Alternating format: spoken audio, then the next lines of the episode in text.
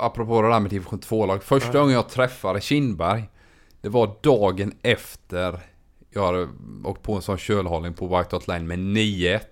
Han är ju polare med Roberto Martinez och Graham Jones. Så han dyker ju upp på träningsanläggningen i Wigan. Och jag är ju helt knäckt liksom. Jag kölade tidningar Åh, fan. och så jävla dålig.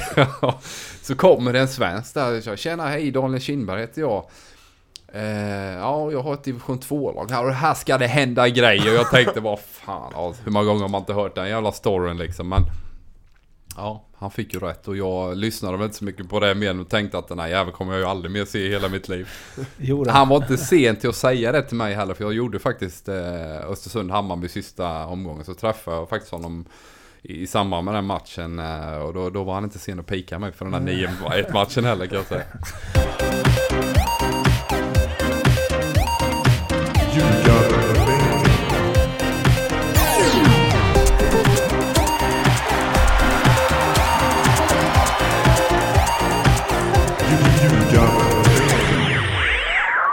Ljugarbänken, NordicBets podcast om den allsvenska fotbollen är här. Det här är avsnitt 108. Vi kommer ut lite hipp som happ, ibland med gäst, ibland med ingen gäst, ibland eh, kort, ibland långt och så vidare. Man vet aldrig riktigt vad man har oss, förutom att man vet att man har oss. Och nu är det ytterligare en version av det. Det är nämligen så att vi är samlade hela trion på ett hotellrum eh, med badkar i rummet i Göteborg. Och det är mitt hotellrum så eh, varmt välkomna Mattias och Erik. Tack Mårten. Tack så mycket. Ja, vad, eh, varför är vi här? Vi eh, ska, skulle träffa Tobbe Hussein i Kungsbacka. Mm. Men kräksjuka i familjen gjorde att eh, vi fick ta plan B. Mm. Och plan B är Erik. Lasse Nilsson i Borås. Ja, Det är ingen dålig plan B. ja det är det inte. Men dock en apryttare som vanligt. Ja. Lasse. Men vi ska sätta oss i bilen till Borås efter det här. Fan vad det är sympatiskt att rycka in med en halv dags varsel alltså. Det är fantastiskt. Eh, Men frågan är vad du gör i Göteborg Mårten? Jag eh, har intervjuat Micke Stare eh, och sen så blir det ju, man är ute och flänger hela tiden va. Det går inte att åka hem till Stockholm alltjämt. Så jag ja, beställde ett eh, Instagramvänligt eh, hotellrum. Mm. För att imponera på er nu när ni kommer hit. Ja. Och jag har suttit i bilen med Erik i två timmar och hört på honom. Ja, Så. vad, vad har han berättat? I, Han har berättat allt sånt som vi vill prata om i podden men inte får. Ja, men eh, jag har ändå varit i Oslo med en hel helg. För Ja. några, med, och i Eriks liv, i hans huvud så rör det sig fotboll. Mm. Eh, det är det, han, det vi pratar om. För att vi är kollegor och vi är inte vänner. Det är stor skillnad. Ja, Så eh, vi pratar fotboll. ja, Ibland lite om eh, våra fruar. ja. Men annars fotboll. Annars fotboll. Han är på väg in i Eskilsminne, eller hur var det nu? Jag, vi, jag sätter mig ledarstab nu och jobbar på det. Erik vill inte prata om det. Han skjuter det framför sig. Smart ju. Nej, jag tänker jag sätter mig en bättre kontraktsförhandling där också lagom till eh, ja, träningsläget eh, närmar sig. Malaga var det va? Marbella var det till och med. Ska ni till Marbella? I, eh, Det finns pengar i Eskilsminne. Man förstår ju varför Tvååker låg för långt bort helt plötsligt. Jag, jag håller mig utanför den diskussionen. okay. Ja, eh, det har ju hänt en del grejer eh, sedan Allsvenskan tog slut. Det är lite spelare som har lämnat, det är spelare som ryktas in, det är lite tränare, det är ordföranden som slutat. Det är budgetar som inte hållt och så vidare. Men vi ska väl börja med en eh, bra grej för svensk fotboll, tycker nog vissa i alla fall. Vissa håller nog inte med. Malmö FF grejade det i Europa League, vann borta mot Besiktas och tog sig vidare till gruppspelet. De upprepade alltså Östersunds bedrift från fjolåret. Eh, och visst, Besiktas är väl inte vad det var, men imponerande ju. Ja, otroligt bra insats där nere. Eh, nu snackar ju alla om att det är så otroligt tufft att spela borta mot turkiska lag. Men jag satt och gnuggade lite Europaspel och det är Fenerbahce som har slått både AIK och Malmö tror jag nere i Turkiet. Sen har ju svenska lag varit väldigt framgångsrika. Man tar Blåvitt 94 när de slog Galatasaray och resan fram. Jag menar Östersund fick kryss förra året och HIF. eh, har vi också 3-0, nere på. Alisam 3-2. 3-2. Ja. Ali Samian. Och även de landslagen, A-landslaget har ju också varit ganska framgångsrika. I höst vann de ju borta, förlorade visserligen hemma, men borta så snackar man om att det är så jävla tufft. Men frågan om det är ändå överkomligt om man kan stå emot första 20. Och Malmö gör en riktigt bra match där Bachirou var ju makalöst bra. Ja det var väl, eh, jag såg den inte men jag läste att det var fullt rättvist. Ja men det tycker det jag. lugnt, F- Först återigen då starten där gäller att stå emot. Det gjorde man. De hade ju något, ja, något dubbelläge där va. Ja, var något, ja. lite tur också. Men sen äter de sig in i matchen och ja, som du säger fullt rättvist spelmässigt. Eh, känns de väldigt trygga med bollen. Eh, Lewicki var också bra. Rosenberg är ju alltid bra i de där typen av matcher. Och så som de spelar. Så har de, när de ligger, ligger lågt som de gjorde och väntar. Och då så har de Antonsson som är snabb. Och drar iväg ordentligt. Så de, de fick sträckt, sträckte laget på det sättet. Att de, när de vann bollen ner i kanalen till Antonsson så fick han löpa loss där. Så det var... Det, det, var, det, var, det var rättvist. De var duktiga. Så det var imponerande att se. Malmö FF, Noah Bachner twittrade väldigt roligt. För Malmö FF skickade ut en tweet. 65 minuten, direkt rött kort till Quaresma efter en mycket fin, ful stämpling på Frank Brorsson.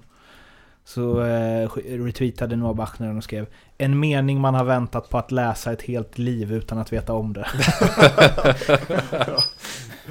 ja, det finns något, de har ju ett otroligt härligt lag Besiktas. Det är många liksom det är många intressanta, man vill, man vill vara en fluga i deras omklädningsrum. är Framförallt efter att ha fått stryk hemma mot Malmö. Ja, det är många personligheter. Eh, Sen så... eh, De är inte bra att besiktas. Med, dem, med tanke på vilka spelare de har, vilka namn de har. Men det är klart, de ska passa ihop. Och den Karesma gör det, eller Karesma den är riktigt ful. Eller riktigt ful är det. Han, man ser det tydligt, han går bara in för att sparka ner. Riktigt, riktigt. Det kunde gått illa. Så att den, eh, de är inte i balans alltså. Erik Edman, vi sitter alltså ute på en parkeringsplats utanför motorvägen i Göteborg och ska prata vad? Vi vill ta upp eh, Malmös lottning här i Europa League. Vad blev det Mattias? Det blev Chelsea. Eh, mm, så vi väl säga 99% säkert att inte Malmö går vidare, eller vad säger vi?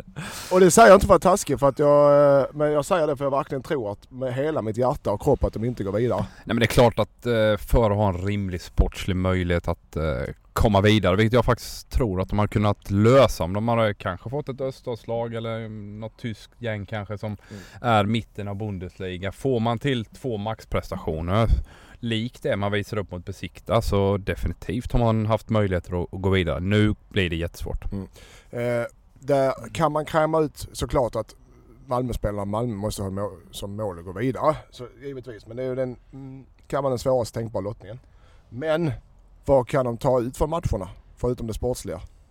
Kan de kräma ut publiken? Kan de kräma ut marknadsföring? Vad kan de få ut av det förutom bara de sport, just matcherna? Ja, men det klart, framförallt så är det ju enormt eh, stimulerande att kunna spela den här typen av matcher i februari när alla andra ligger i en försäsong eller förbereder sig för kuppen. Då har Malmö toppintressanta matcher. Och det är klart att en hemmamatch när man nu börjar hemma på Swedbank, heter det inte längre utan Malmö Arena tror jag.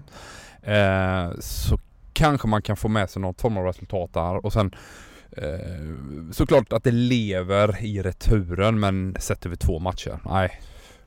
De hade Juventus för några år sedan i Champions League, eller hur? Och liknande motstånd med samma kvalitet och gjorde bra i, i Malmö. Så där finns, att hålla med, där finns chanserna. Men som du sa, det är i februari. Mitt, när är det i februari? Vet du det? Alla hjärtan... Ja, just det. eh, 21 dagen. Ja, eller liknande. Vi, vi, vi borde kanske ha koll på när alla hjärtans dag är. Men vad jag ska säga, hur lägger du upp träningsmatcherna? Hur hittar du ett motstånd i januari som håller den kvaliteten? Nej men det är klart att, att, att nå någon form av matchintensitet, eh, det gör du ju inte. Sen tror jag att du ändå får med dig någonting med tanke på att det är väldigt stimulerande. De är ju tokladdade, MFF-arna och sådär. Och Jag gissar att man drar till Bradenton och, och är i Florida under försäsongen där eh, 10 tio dagar, två veckor kanske och, och gnuggar och sen är det två veckor till och sen är det in och köra riktigt tuff match mot Chelsea. Jag, jag tror definitivt hemma kan man störa dem men man vinner inte och borta är man chanslös. Ja. Eh, ro, så jag sa, spontant rolig lottning, absolut. För publik och för hela Sverige för den delen. Eh, sportsligt, mindre bra. Men att Malmö grejar det här nu, viktigt.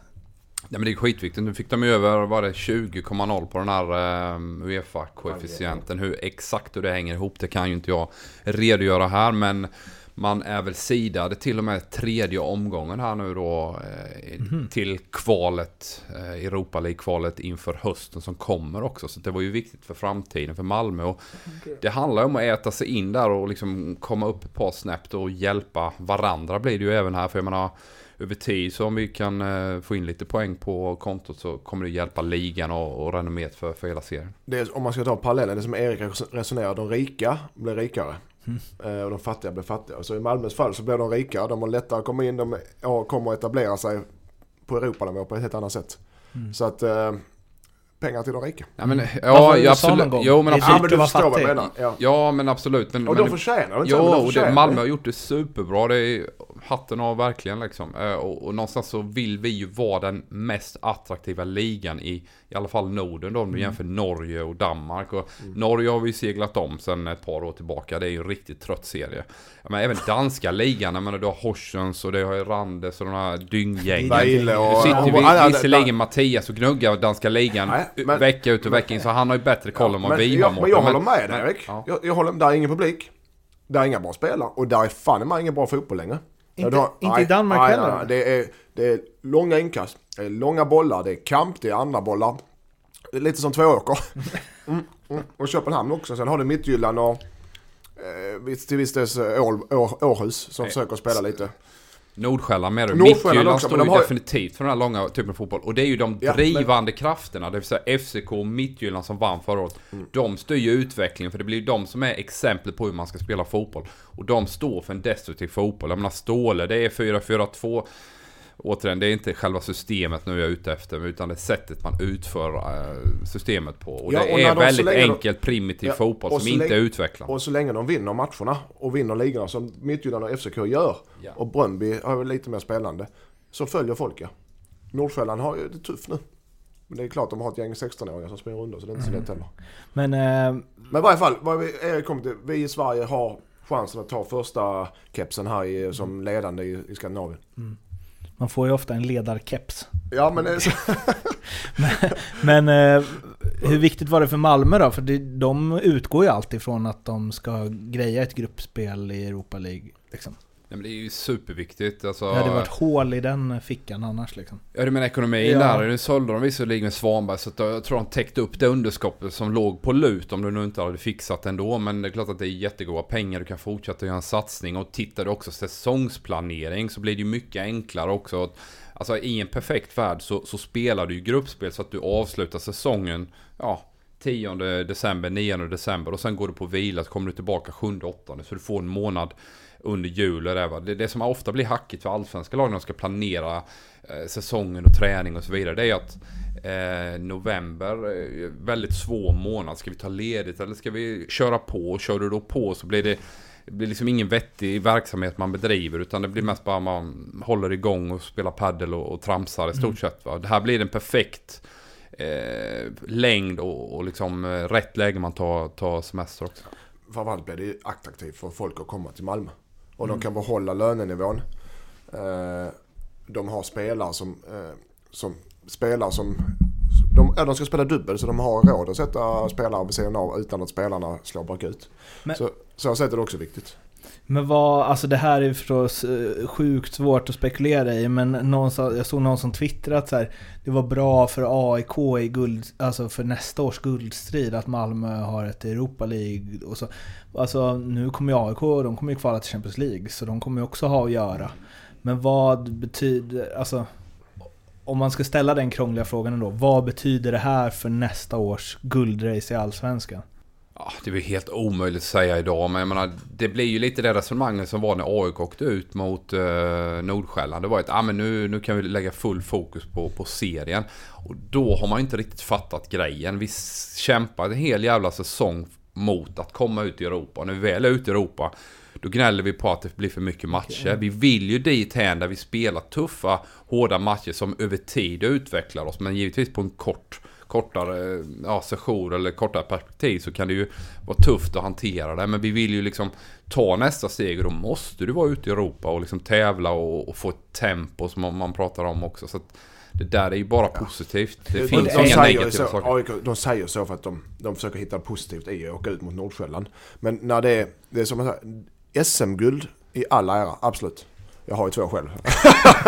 men, men det är ju inte prio bland eh, klubbarna. Bland supporterna absolut och ska vara. Men hos klubbarna är det inte det och kommer aldrig vara så länge det finns så mycket pengar ute i Europa som det finns. Mm. Så i Malmös fall så, eh, så de kommer lägga fokus på Europa. För det är där pengarna är. Det är att de kommer tvåa eller trea nästa år.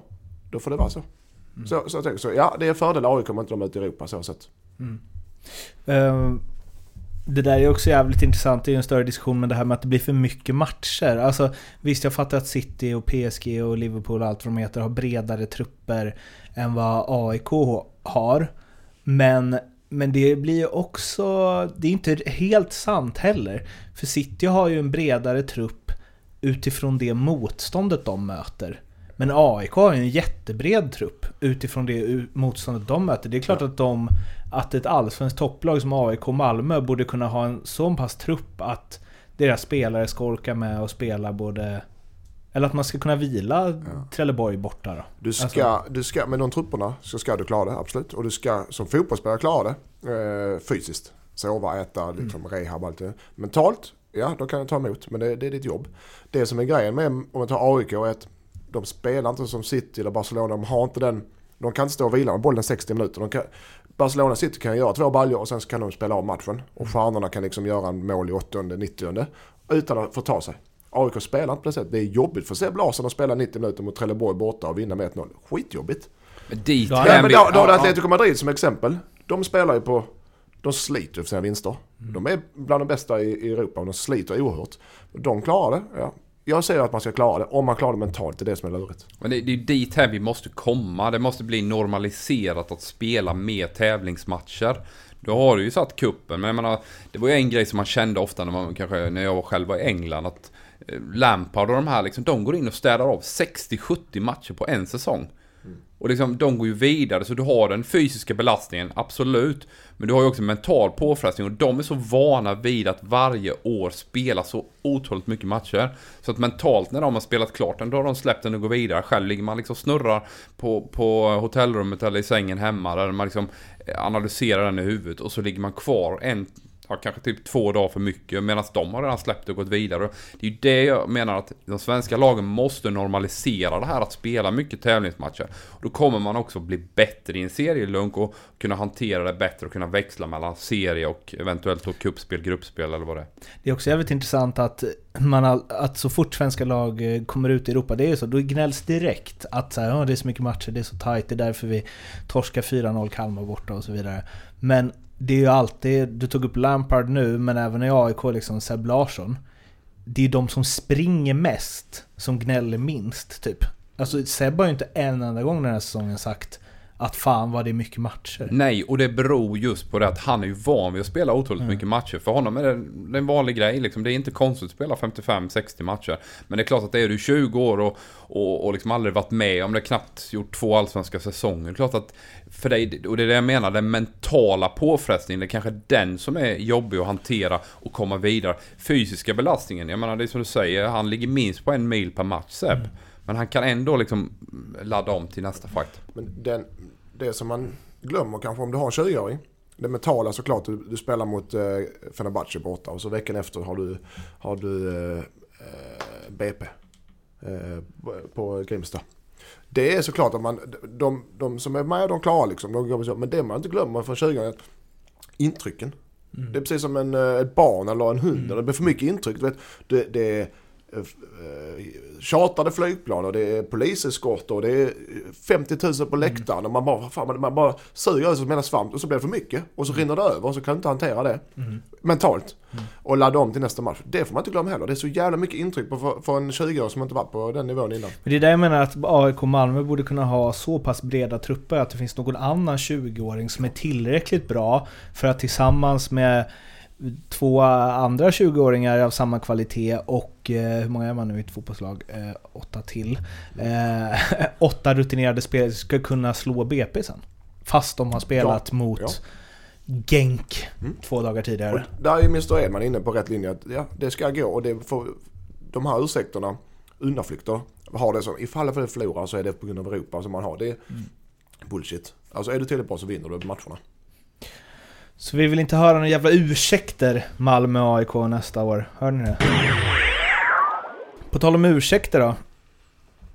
Eh, jag vet inte vad HF har för ursäkter till att det minus 2 helt plötsligt blev minus 13 i eh, miljoner då, då i budgeten efter den här supersatsningen som ju renderade i allsvenskt kontrakt och eh, ja, det var ju väl Eh, exakt noll personer som blev förvånade över att eh, det inte bara var minus två miljoner.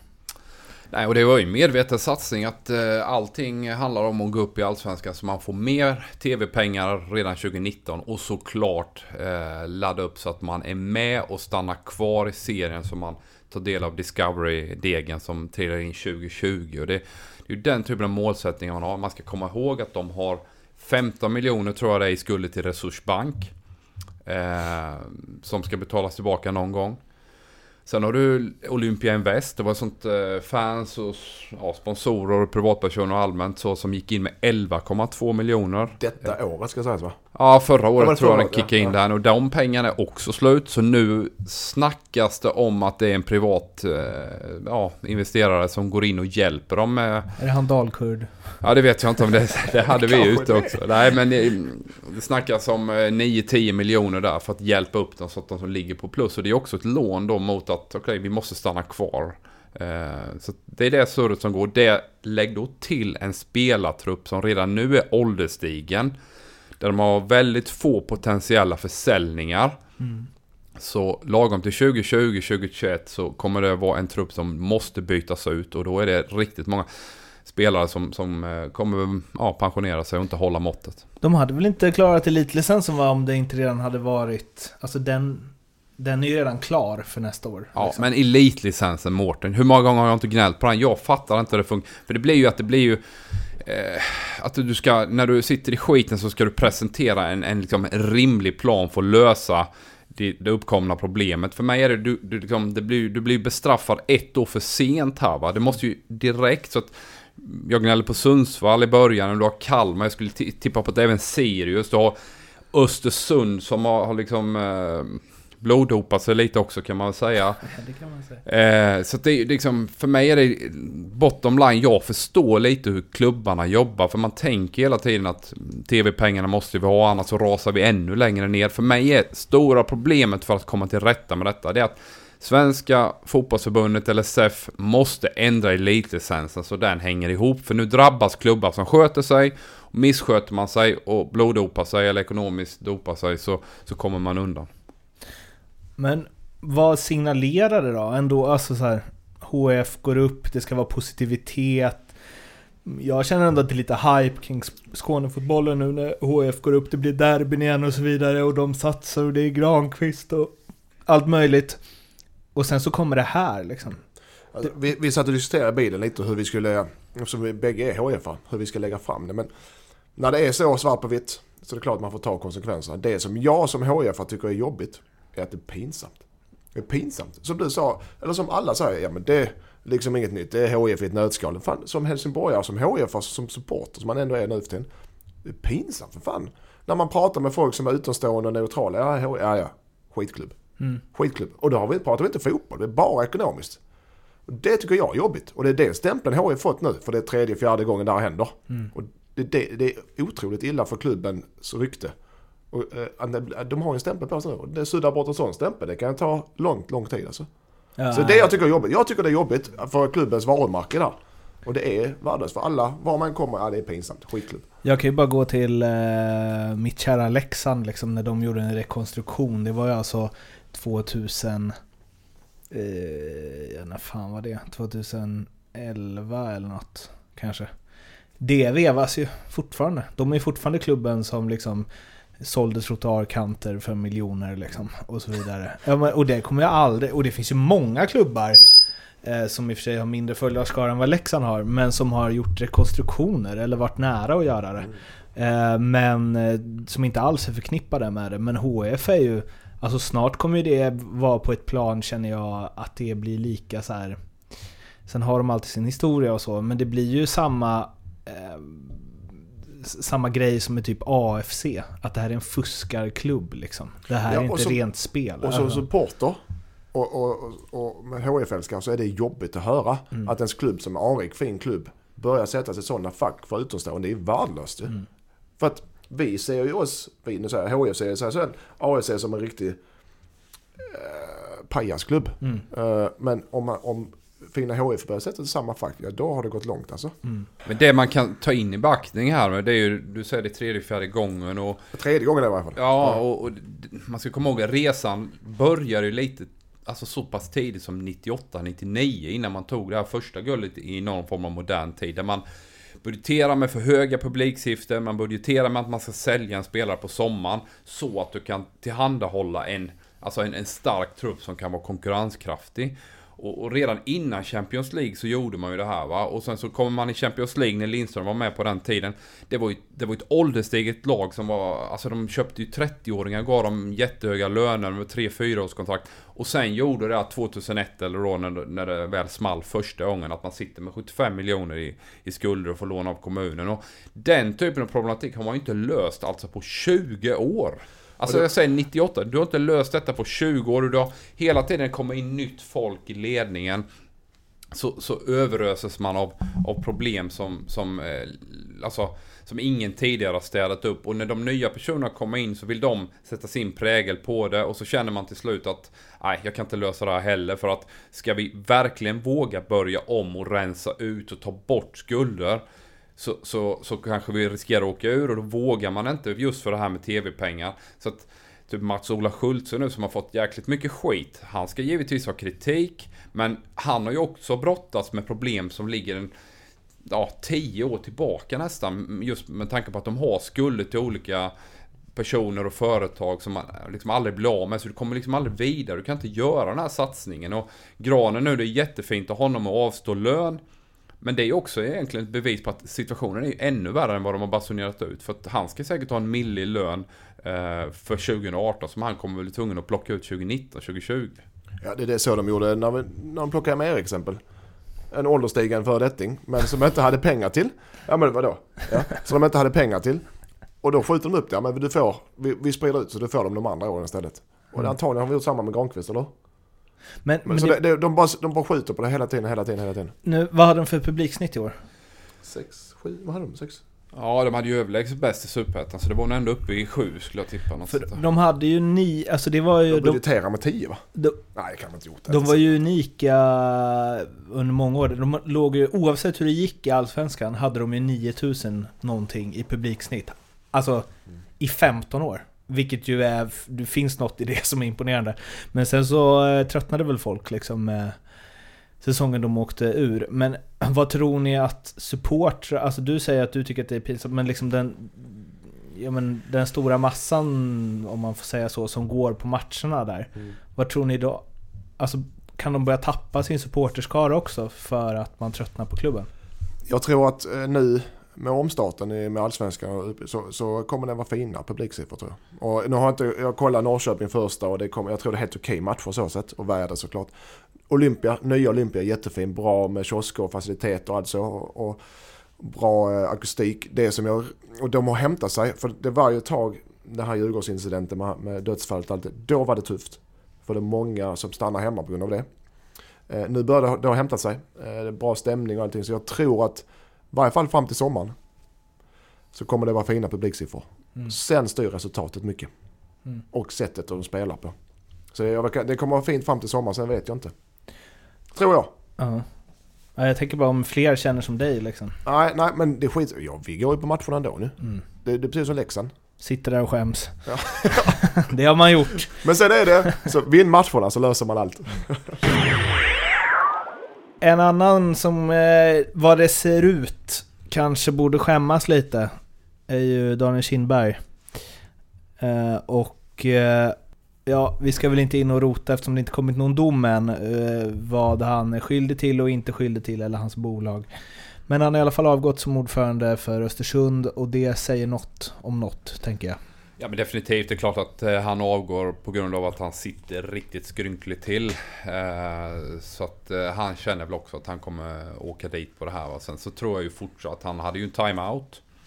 Som inte var sådär Någon jättemycket till timeout alls. Ja, han avgår nu som ordförande men även om han eh, dratt den liknelsen med Pablo Escobar och, och Katedral där när han sitter in och ändå styr verksamheten. Det tror jag Daniel Kindberg kommer göra nu också. Så även om han eh, är bakom lås, lås och bom så kommer han eh, styra Östersund eh, ja, i den mån han kan där. Hur många samtal man får per dag det vet jag inte. Men det är klart att eh, han kommer ha ett finger med i spelet. Och, och är ju den stora framgångsfaktorn såklart tillsammans med Graham Potter. Eh, sen har de ju haft då medel som inte eh, ja, liknande konkurrenter har kunnat tillhandahålla i, i, i ja, varken då i division 1, superettan eller allsvenskan. Om du jämför med typ Sirius och de som de har krigat med tidigare. Och nu har de tagit nästa steg. Och det är klart att där har du också det här med elitlicensen och hur det får gå till. Va? Nu har man kanske inte uppdagat det tidigare så att det är svårt att, liksom bestraffa det om man inte vet om det. Men du gör inte en sån resa från division 2-lag i den regionen av Sverige ska sägas. Absolut, där- ap- apropå det där med division 2-lag. Första gången jag träffade Kindberg, det var dagen efter jag hade åkt på en sån kölhållning på White Hot Lane med 9-1. Han är ju polare med Roberto Martinez och Graham Jones. Så han dyker ju upp på träningsanläggningen i Wigan. Och jag är ju helt knäckt liksom. Jag kölhållit tidningar Åh, fan. och så jävla dålig. så kommer det en svensk där och säger Tjena hej Daniel Kindberg heter jag. Eh, ja, jag har ett division 2-lag här och här ska det hända grejer. Jag tänkte vad fan, ja, hur många gånger har man inte hört den jävla storyn liksom. Men ja, han fick ju rätt och jag lyssnade väl inte så mycket på det mer och tänkte att den här jäveln kommer jag ju aldrig mer se i hela mitt liv. Han var inte sen till att säga det till mig heller för jag gjorde faktiskt eh, Östersund-Hammarby sista omgången så träffade jag faktiskt honom i, samband med den matchen eh, och då, då var han inte sen att pika mig för den där 9-1 matchen heller kan jag säga. Men eh, vad innebär det här för Östersund? Tror ni? Så, ja, som, jag tror inte något större sätt. Eh, med tanke på Erik, han kommer att ett finger med i spelet ja. Men däremot så är frågan vilka spelare de får ha nästa år. Eh, och det kommer, som vi pratade med, det, dippen kommer. Jag ser väl Östersund som ett helt okej lag fortfarande men jag... Inte, det är inte topp 5, absolut inte. Men så här, allt, inte de, kommer, de har inte de, de har ju bra spelare och, och det är ingen risk för ett ras tror jag inte men för ett, men ett mittenlag i Allsvenskan. för allt har ju liksom, det här är också lite så, allt har varit så fint kring Östersund och det har varit teater och det har varit spelare som de har plockat upp som har inte fått att lossna, som verkligen fått förtroende där, blommat ut och så vidare och liksom hela storyn med Broa Nouri och så Allt sånt. Eh, men det här måste ju också lägga, alltså för det blir ju något såhär, nej, ni... Alltså även om så här, det är bra gjort ändå ju. Även om det har varit fuffens i bakgrunden så är, även med det fuffenset så är det ju bra gjort. Men det lägger ju ett, eh, vad säger man, löjets skimmer över, säger man så? Ja, ja, ja. Över klubben och laget ja. Ska googla. Du kan Men, ja, men grejen är det, det, det är det som Erik sa. De, division 2, när du har mer pengar än dina konkurrenter i varje serie som du sa, så vinner du serien. Och Östersund har ju haft en massa pengar och har kanske en del kvar. Men det värvningspolitiken, eh, policyn, värvningspolicyn och Potters eh, jobb, går det måste man ju ta upp ju. Det har de gjort otroligt bra med Tom Pettersson och eh, spelarna tagit in som de förädlat gjort om. Och sättet de spelar på, så det kan ju ingen ta ifrån dem. Det har de gjort fruktansvärt bra. Och det gör det, man, man kan inte köpa det för pengar. Jo det kan man kanske men så som de har jobbat, det, där lyfter man ju på hatten. Som tränare framförallt. Att okej fan, kolla en, en spelare som ingen tror på. Jo kom här så gör vi om det på en ny position så blir du bäst i serien. Det man inte kan, precis som du säger, det man inte kan slå dem på fingrarna det är just det här, den identiteten de har skapat där. Sen det här med teater och det, det är ju också en grej att... Det är spel för galleriet, ja, så att det är säga. ju lite spel för galleriet. Men samtidigt finns det ju vissa, vad ska jag säga, teambuilding-aspekter i den typen av verksamheter. Eh, men framförallt det som jag är jätteimponerad av, det är just det här. Hur de har rekryterat, de har varit väldigt tydliga med att vi ska spela en viss typ av fotboll och kört på det. Och det är hatten av fortsatt. Sen är det klart att Kindberg har kunnat göra vissa typer av lösningar på grund av att de har haft bättre ekonomiska muskler. Och nu kommer ju en fråga här om om det kommer rasa eventuellt då. Folk vill dra för att man känner en osäkerhet kring det. Det sa vi redan i somras visserligen. Och de har ju ändå ersatt eh, flyktade spelare med, med bra nya, får man ändå säga. Birchnell känns också spännande som tränare, den här nya engelsmannen de plockar in. Så att det finns säkert eh, i alla fall ett år nu där man kan komma i mitten. Ja. Eh, så fortsatt. För du, du ser, de har ju okej spelare som har redan varvat in, så, som har kontrakt. Men jag menar, de, är inte, de kommer inte ra- det är inte sämre än Göteborg eller, eller Örebro eller, alltså de, det är ett okej lag ju. Eh, och du, som spelare vet du själv, ja, klubben har sina problem, men jag som spelare vill gå ut och göra mitt jobb för min egen karriärs skull. Så att det är jag inte orolig för att spelarna kommer reagera på planen för det.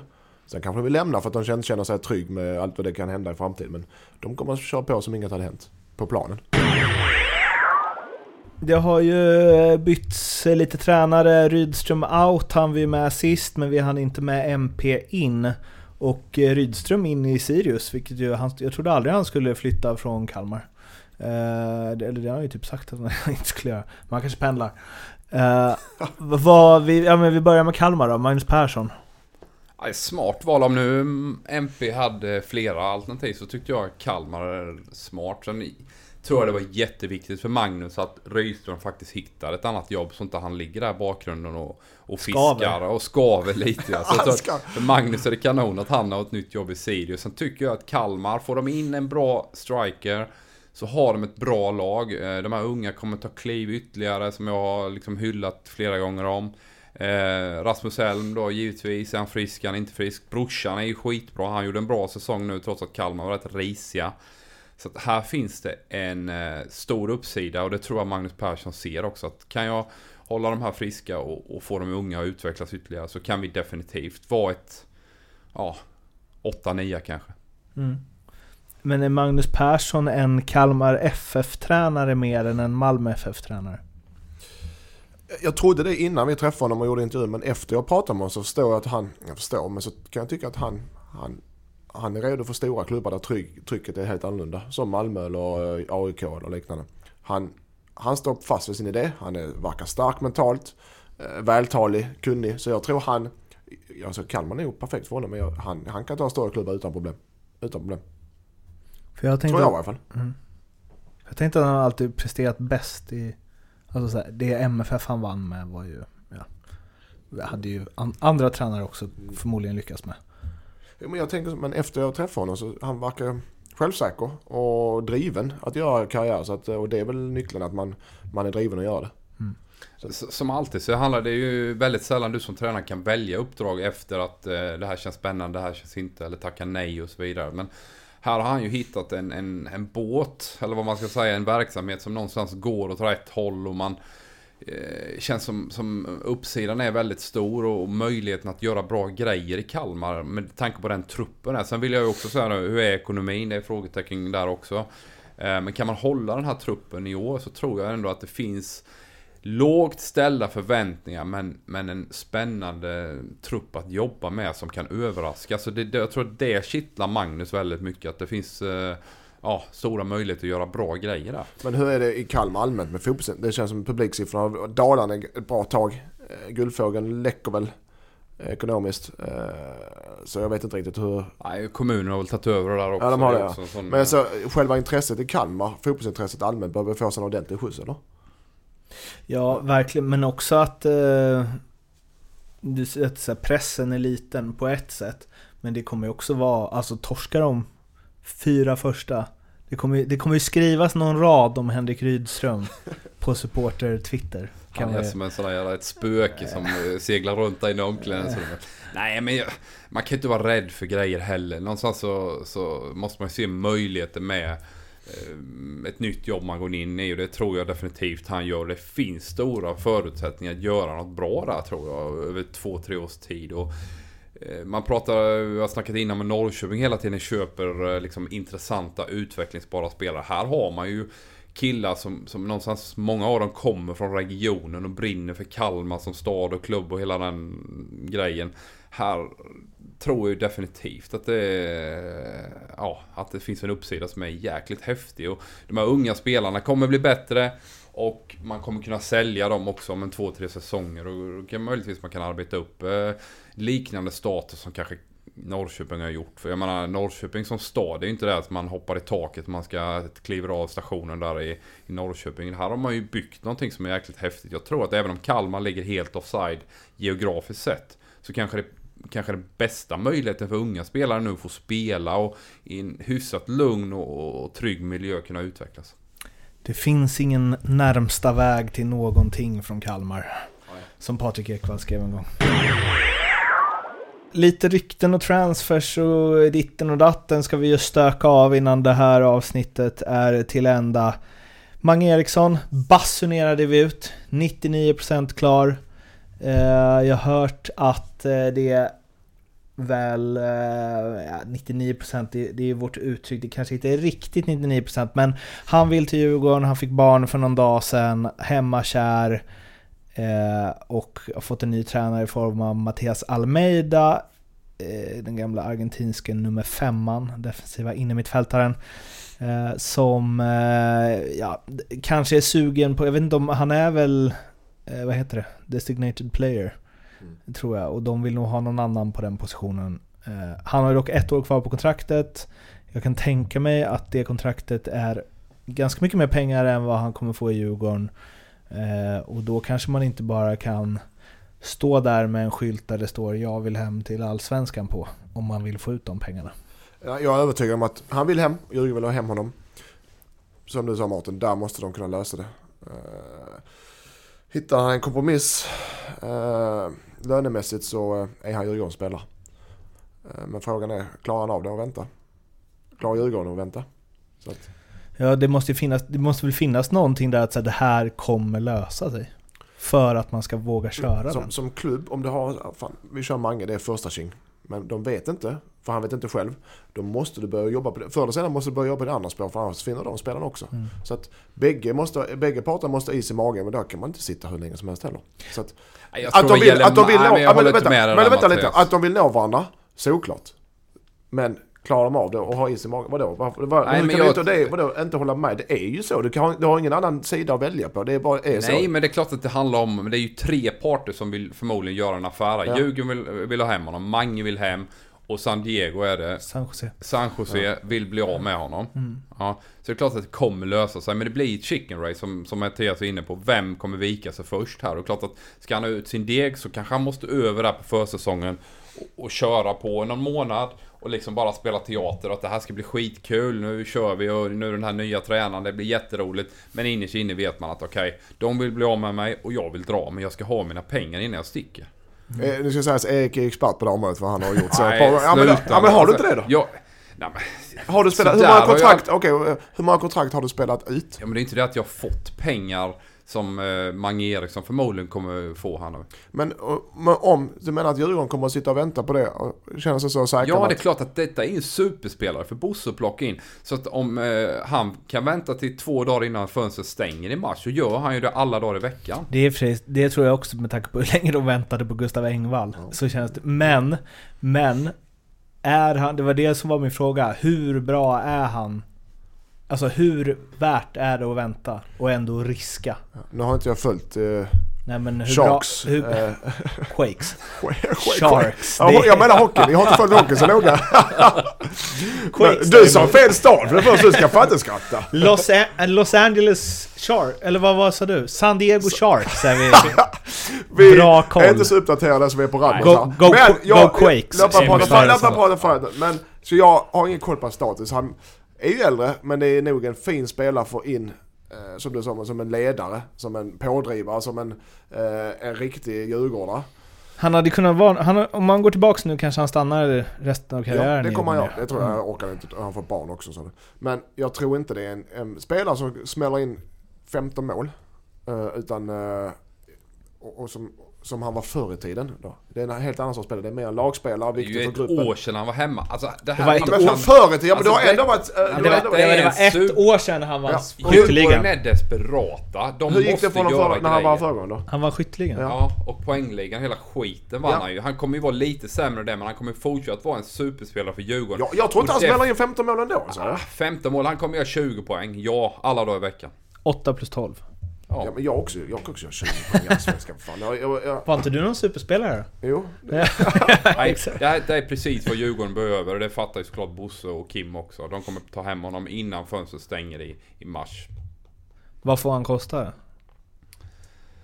Ja det beror ju såklart på hur mycket säkerligen han kan få ut av eh, San Jose här nu då i, i, liksom i avgångsvederlag eller de mm. köper ut honom. Så att, det är ju lite sådana bitar som, så allting hänger ihop här och det menar att eh, det gäller att vara kalla från Djurgårdens sida, det gäller att vara kall från Manges sida så han får ut så mycket deg som möjligt där. Eh, och sen såklart också kanske kan du då... Jag kan tänka mig en... jag vet inte hur man räknar med, med sign-on och allting, men det är klart att under 200 000 eh, det kommer han inte för. Det är klart att det är den typen av summor med sign-on och allting. Så ett totalt paket på, på tre år kanske, så minst 200 000 i månaden kommer han ju kosta. Och men förhoppningsvis får Djurgården honom gratis då, antar jag. Att det är det de hoppas på. Det var ju en bra affär, de sålde väl honom för 10 eller något.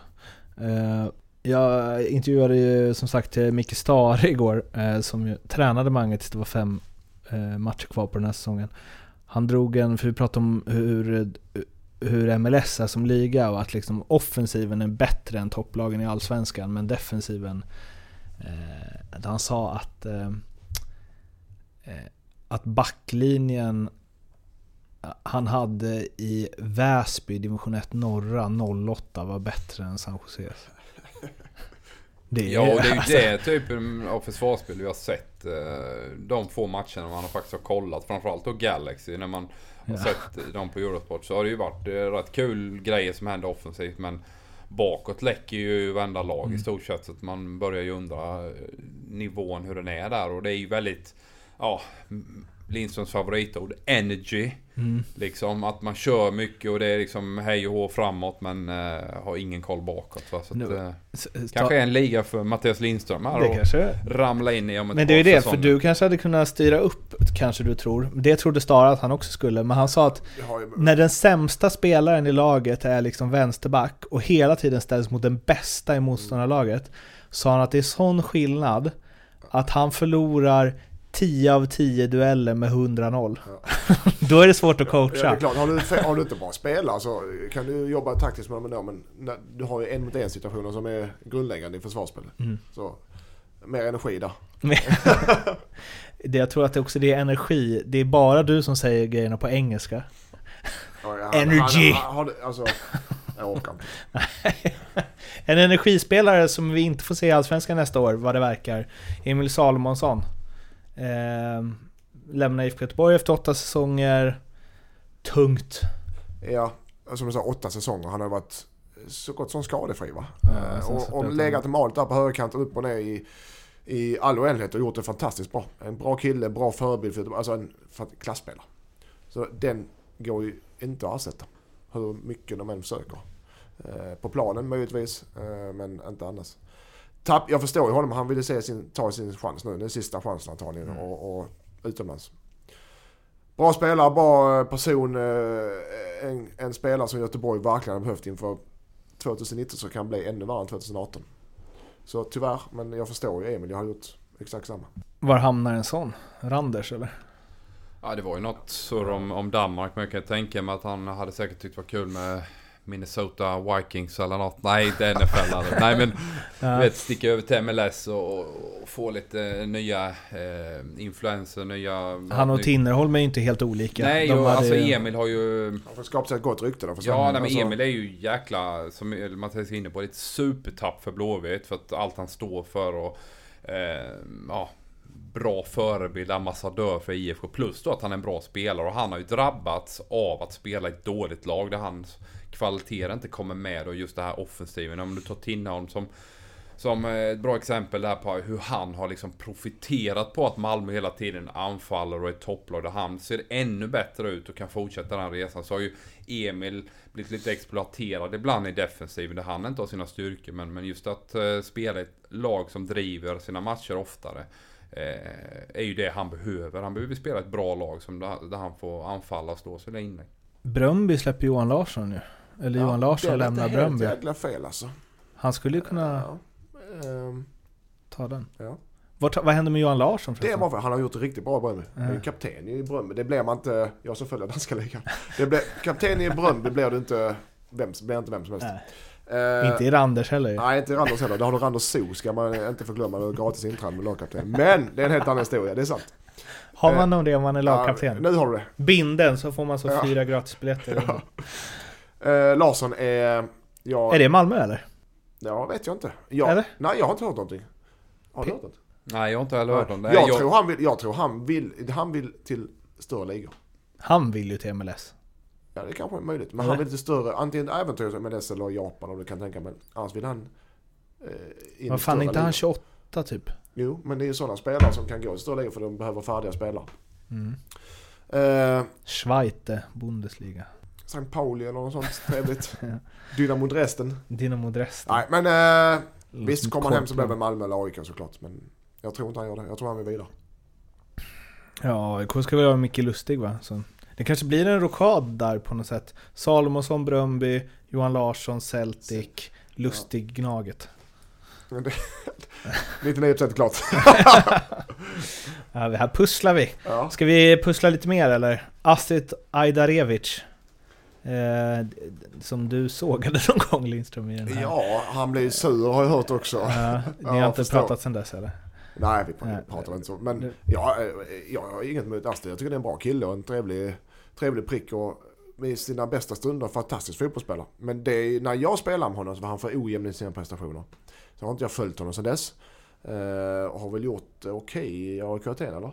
Ja, Jag vet inte han har väl inte faktiskt. spelat jättemycket. Ja, okej, så att men- det är klart att det finns väl en anledning till att han river kontraktet antar jag. Ja, du behöver inte vara så jävla uppnosig i ditt svar. Alltså, det Nej, lät som men- att du, okej, du Nej, men kan ingenting ju inte- men jag kan allt här i hela världen. Lät det inte så Mårten? Har du sett mycket? Nej, Ja. jag har sett någonting. Har du sett det mot eh, Santi borta eller mot eh, Larissa eller något sånt? Larissa, är inte det... Är det ett grekiskt lag? Jag vet inte. Exakt. Men, i varje fall. men vadå? att han vill, att han vill Va- hem, ja. Han Ja, har gått och- ut och sagt att han vill hem eller? Ja, och han är nära IFK Göteborg. IFK Göteborg. Är Vad jag har fått erfara. Okej, då vill jag direkt, jag gillar Astrid som fan, jag tycker att eh, han spelar rolig fotboll. Eh, och jag, eller jag gillar hans kvaliteter, jag gillar hans tugg, eh, så. Men han är väl inte en spelare som IFK Göteborg ska bygga runt direkt, eller? Jag tänker att Astrid, dels så tycker jag ofta att han används för långt ner i banan. Ja, Även, även om han själv vill vara där, men liksom Jan Andersson i Norrköping tjatar ju på honom hela tiden att han inte skulle gå ner och hämta bollarna. Han spelade som Kim Källström liksom. Gick ner och slog, eh, ja men som någon sån här quarterback typ. Men eh, jag tänker att han ska högre upp i banan och eh, återigen så här, det är lätt att ta Malmö FF eller AIK som exempel. Eller AIK kanske inte, men Malmö FF som förspelet. Eller IFK Norrköping för all del. Att ha honom som någon liksom, vad säger man? Ja men en falsk nia eller något. Eh, det är ju där, med skottet och fysiken och att komma in i boxen och liksom slå igenom skärare. Det är där han är bra. Jag, jag, ser, jag ser honom som en poängspelare. Ja. Han har ju de kvaliteterna, lite Tobias Gran-kvaliteter där. Att han, han har eh, nycklar att slå ut ett helt försvar med sin blick och sitt spel och allting. Men Men han, han ska ju han- inte han spela blir- i ett lag som kom, kommer komma nej, han måste... max 10 i Nej, men Allsvenskan frågan är nästa om han år. är tillräckligt bra för att spela i ett topplag där. Det är det jag undrar också. Att Axén var ju skicklig där när han, han var ju rätt kall i HIF med Henke Astrid. Sen kommer han till Örebro och alla undrar vad fasen ska Axén med honom till. Men eh, Alec var ju bra där med honom och fick honom och liksom acceptera en roll och jag tror att även de andra på mittfält där med Råp och Gerzic liksom accepterade lite hur han jobbade. För att när han gick ner så gick Råp upp och i försvarsspelet då när han inte var sugen på att jobba så fick Gerzic och, och Oman Persson ta det jobbet bakåt. Så de hittade ju en rollfördelning där på det där centrala fältet som var jävligt bra. Men jag tror inte han kan underkasta sig eh, ett större kollektiv. Så att han passar kanske i ett lag som Örebro eller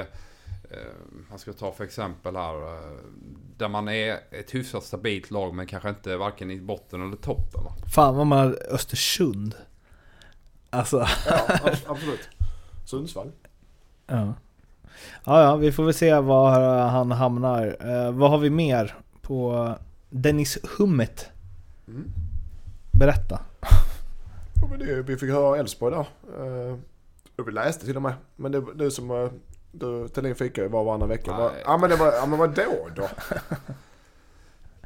Jag tycker Dennis Hummet är spännande. Sen har han ju spelat i ett alldeles för dåligt lag. Eh, Gävle där under hösten eh, så gjorde han det jättebra. Det var många som var sugna. Jag vet att Norrköping var på honom också. Men så landade han ju i Trelleborg för Winqvist och han har ju ha en historia ihop och ja, av olika anledningar valde han Trelleborg. Men det blev ju inte alls bra för, för honom och han har väl mest gått och trampat här en säsong. Men jag tycker ändå att det finns intressanta saker där. Han har en bra touch, kanske inte jättesnabb så men jag, jag tror att han kommer kunna göra en hel del poäng i ett bättre lag och Elfsborg för mig eh, är ju ett eh, ja, ett steg upp i alla fall från Trelleborg. Såklart i och med att de åkte ur också. Men, men eh, nej, kan vara ett bra val av eh, Thelin och Andreasson. Och... Har du hört något? Eh, off, har du hört något? Eh, Nej, det, har- nej, det har jag inte gjort. Men jag tycker att det är en bra spelare som inte har fått ut eh, sin potential under den här säsongen. För att Trelleborg var alldeles för dåliga. De skulle spela försvarsspel hela säsongen och det funkar inte. Och när de väl då ligger under så har de inget anfallsspel. Så att det,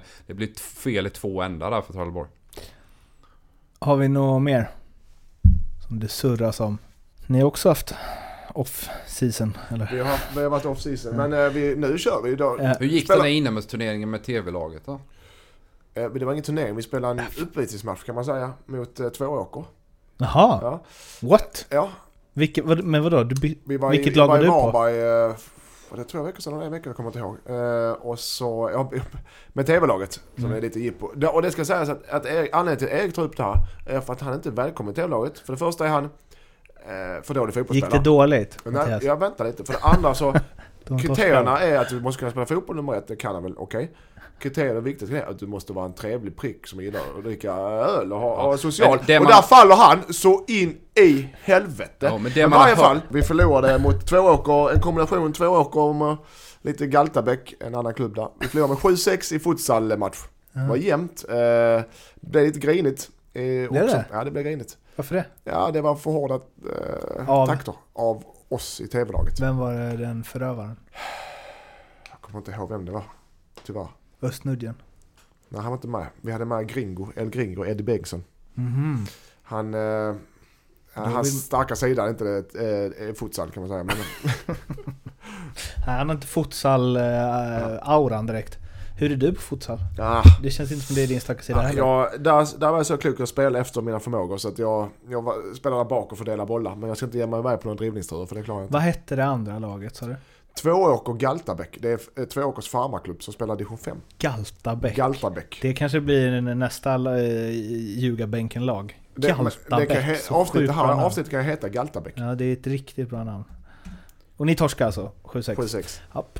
I sadden. Eh, I sadden. I.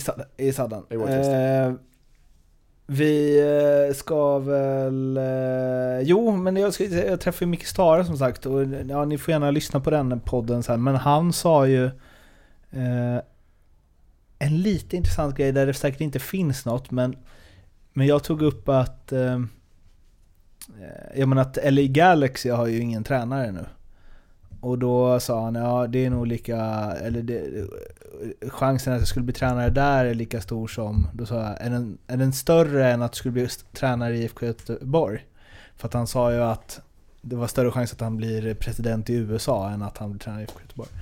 Då sa han, ja, ja för några veckor sedan hade det nog varit det, men nu, nu är det nog li, lite större chans att jag skulle jobba inom Blåvitt. Fan vad kryptiskt. Och jag Men bara, det, det, var ju, det hängde väl ihop med att eh, Mats Gren var sportchef. Ja, Ja det måste det ju vara För såklart. de har ju en beef där såklart. Eh, och Jonas så- Olsson gillar jag han ju. Och jag tror Jonas Olsson gillar Micke Stare också. Så du menar, du, du indirekt Mårten säger att Mikael Stare tar över Göteborg i sommar? Tänk om han hade gjort det. Vilken jävla grej. Sa du inte det? Sa du inte det Erik?